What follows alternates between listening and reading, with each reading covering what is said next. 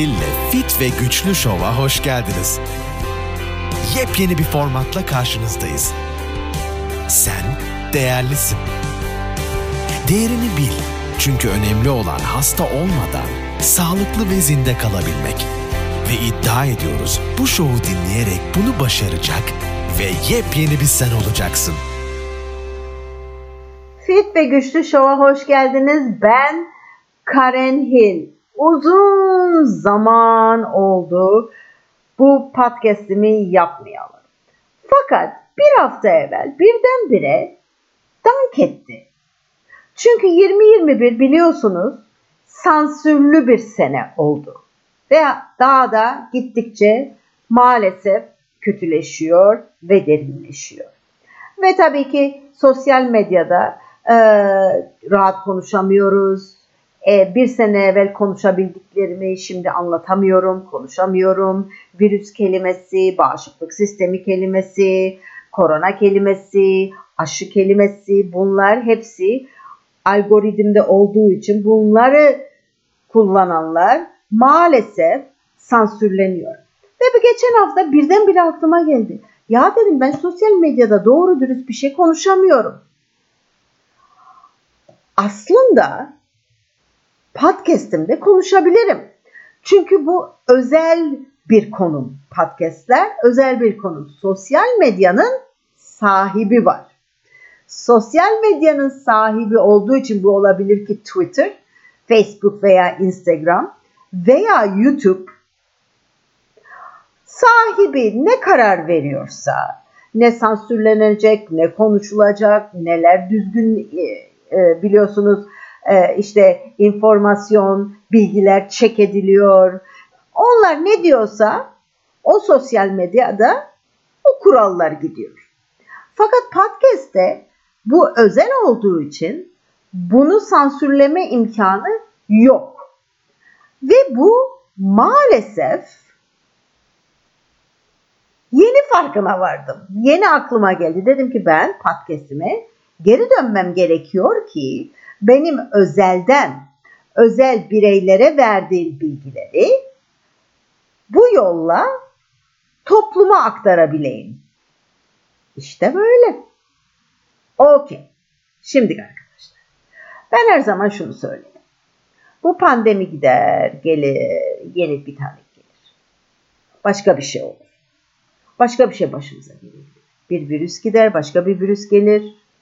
Bu gider, bakteri gelir, bu gider, Allah korusun afetler olabilir vesaire vesaire. Ne olursa olsun her zaman öncelikle, öncelikle ne olursa olsun hazırlıklı olmamız gerekiyor. Sağlık, fiziksel sağlık ve tabii ki bunun üstüne ruhsal sağlık. Çünkü benim gördüğüm, duyduğum, işittiğim ve konuştuğum insanlar sonucunda görüyorum ki psikoloji sıfır. Mutsuzluk hat safhada. Depresyon hat safhada. Bu şekilde zaten fizikselde sağlık olmaz ruhsal durumunuz düzgün değilse. Öncelikle koruyucu bir bakış açısı gerekiyor ne olursa olsun. Hatta birkaç gün evvel, birkaç gün evvel Moderna'nın ve Pfizer'ın CEO'su şöyle bir şey söylemişler ve bunlar gazetede ve medyada yayınlandı. Gelecek seferki pandemi daha kötü olacak diye. Şaka gibi. Ve aslında doğru. Neden doğru? Çünkü iki sene evvelki sağlığımızla, genel sağlığımızla, toplum sağlığımızla, şimdiki sağlığımız arasında dağlar kadar fark var. Zaten biz iki sene evvel bu virüse hasta yakalandık. Yani zaten hastalıklıydık diyabettir, tansiyondur, depresyondur, insülin direncidir, karaciğer yağlanmasıdır, kanserdir, bağışıklık sistemi hastalıktır vesaire. Zaten biz hastalıklı yakalandığımız için ölümler çok oldu. Ve bu da biliyoruz ki koronavirüs %2 ölüm riski var. Ölüm riskindeki insanları da zaten belli. Biz bu kategoriye komorbidite diyoruz. Ve tabii ki ne kadar yaşlısın o kadar bu komorbiditeler üstünde olabiliyor. Şimdi biz şimdi daha sağlıksız maalesef.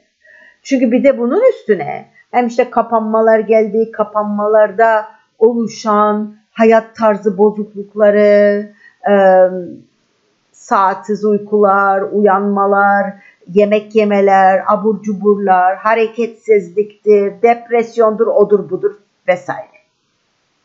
Bir de bunun üstüne tabii ki iki sene, iki sene topluma, insanlara korku pompalar isen ve o insanlar panik içinde yaşamaya başlar ise kronik şekilde bu sağlığı çok berbat eder.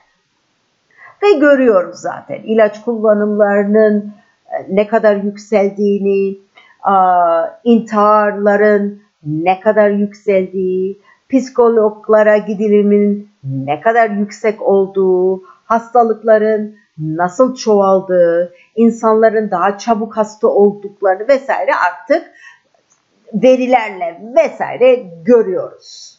Yani burada tartışılacak bir konu yok. Ve evet, eğer ki biz böyle devam edersek, bir dahaki başka bir virüs veya bakteri veya başka bir olay bizi yerle bir edecek. Onu size ben garanti veriyorum. Ve emin olun deniliyor ise bir bilgi vardır. Muhakkak.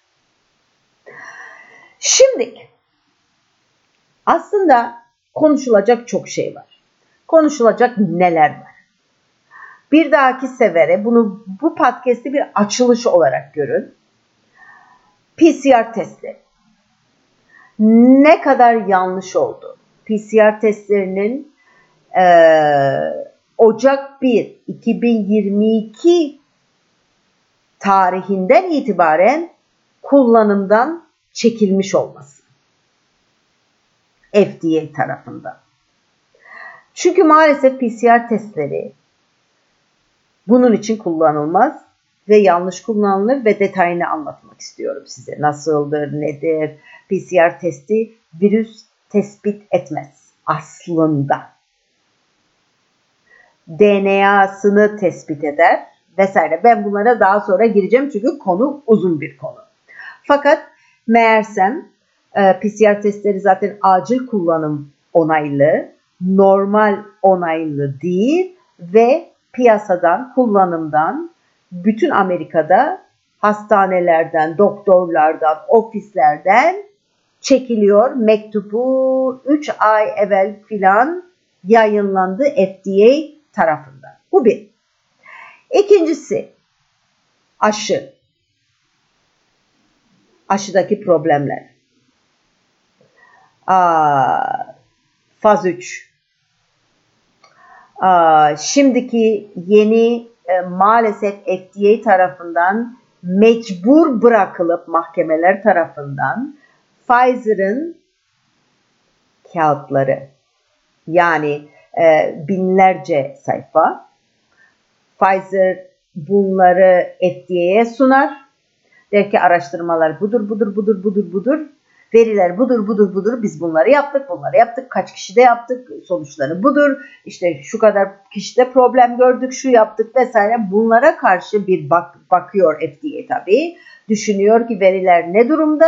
Onay verecek miyiz, vermeyecek miyiz? Bu kağıtlar gizliydi. Fakat büyük bir şirket mahkemeye başvurdu. Ve e, burada bir kanun var. E, bilgi edinme özgürlüğü kanunu insanları. Ve dediler ki biz bu bilgileri bilmek istiyoruz. toplum olarak. FDA mahkemeye dedi ki 55 sene sonra biz bu verileri vermeye hazırız. Bize 55 sene mühlet verin. E, duydunuz doğru. 55 sene. Çok komik. 7 yaşındaki bir çocuk düşünün kaç yaşında olacak? 62 yaşında olacak. Yani düşünün 55 sene mühlet istedi. Yani bir düşünmeniz lazım ki acaba neden? Mahkeme hayır dedi. Ve şimdi FDA bölüm bölüm çünkü o kadar çok sayfa var ki her ay işte diyelim ki 1000 sayfa, 800 sayfa. Şimdi onu %100 aklımda değil. Vermeye, yayınlamaya başladı. Ve ilk sayfalarda siz okuyabilirsiniz. Bunlar e, insanlara açık yani herkesin okuyabileceği bir sitede. Herkes okuyabilir. Girdiğiniz zaman. Pfizer'ın 12. sayfada 15 bilmiyorum hatırlamıyorum denemelerde aşı denemelerinde 90 gün içinde 1200 kişi ölmüş. Aşı denemelerinde. Gönüllü.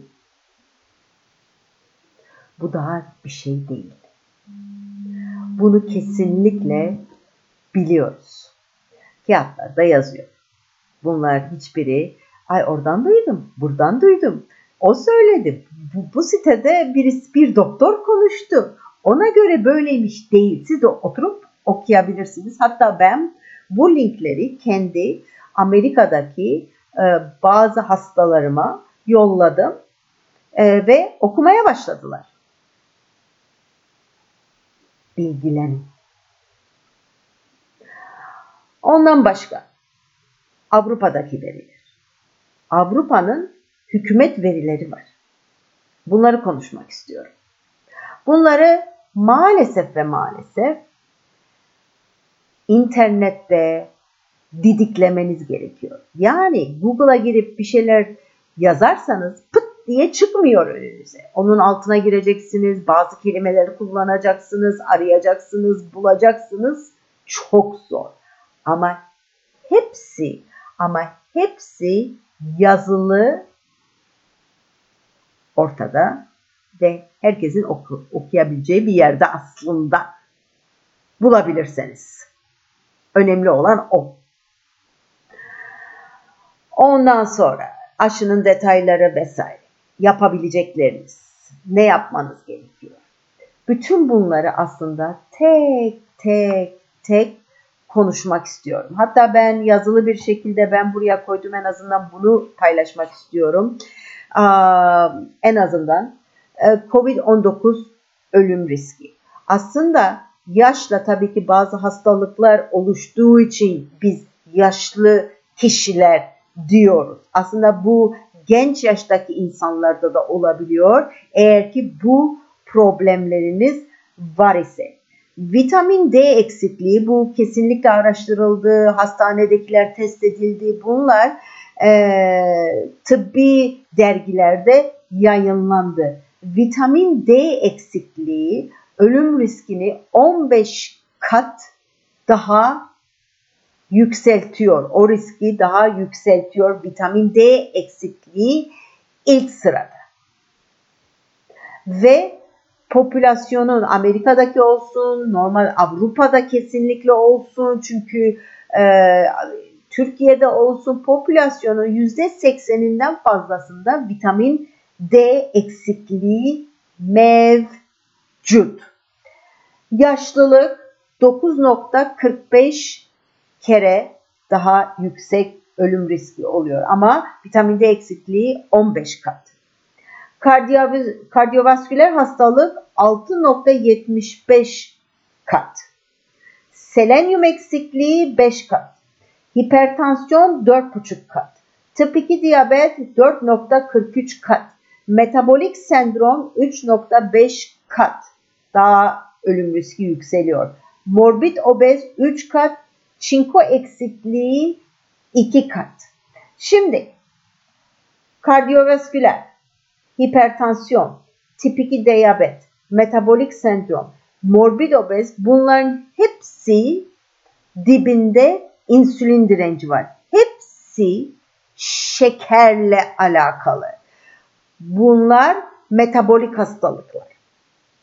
Ve maalesef o kadar yaygın ki çocuklarda dahil. O bakımdan normal şartlarda, normal şartlarda çocuklarda hiçbir risk yok normal şartlarda. Burada araştırıldı, Amerika'dan bahsediyorum.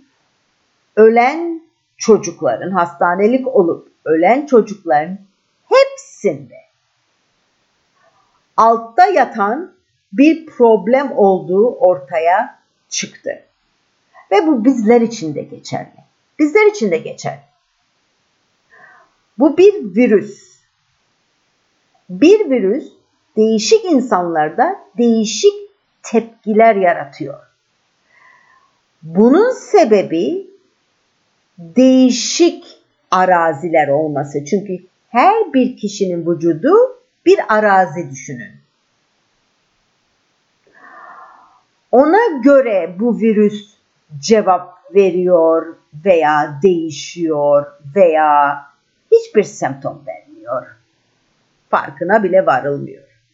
O bakımdan kendinize dikkat edin. Bu yalnızca hello nasılsınız iyi misiniz ben buradayım hadi gelin bir daha podcastime iyice bir sarılalım bölümü olarak düşünün bunu.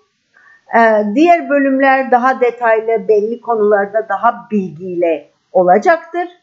Konuşmak istediğiniz, benim anlatmak istediğiniz size belli konular var ise yazılı olarak bana iletebilirsiniz. Sosyal medyadan bana özelden de yazabilirsiniz. Sayfama da yazabilirsiniz. Ben ne kadar bilirim siz benden ne istiyorsunuz? Ben de ona göre e, daha hazırlıklı olurum. Benden bu kadar. Çok yakında görüşmek üzere. Bay bay. Karen Hill'le Fit ve Güçlü Show'u dinlediğiniz için teşekkür ederiz. Sağlıklı ve güçlü olmak, ayrıca sağlıklı kalmak için bizi takipte kalın.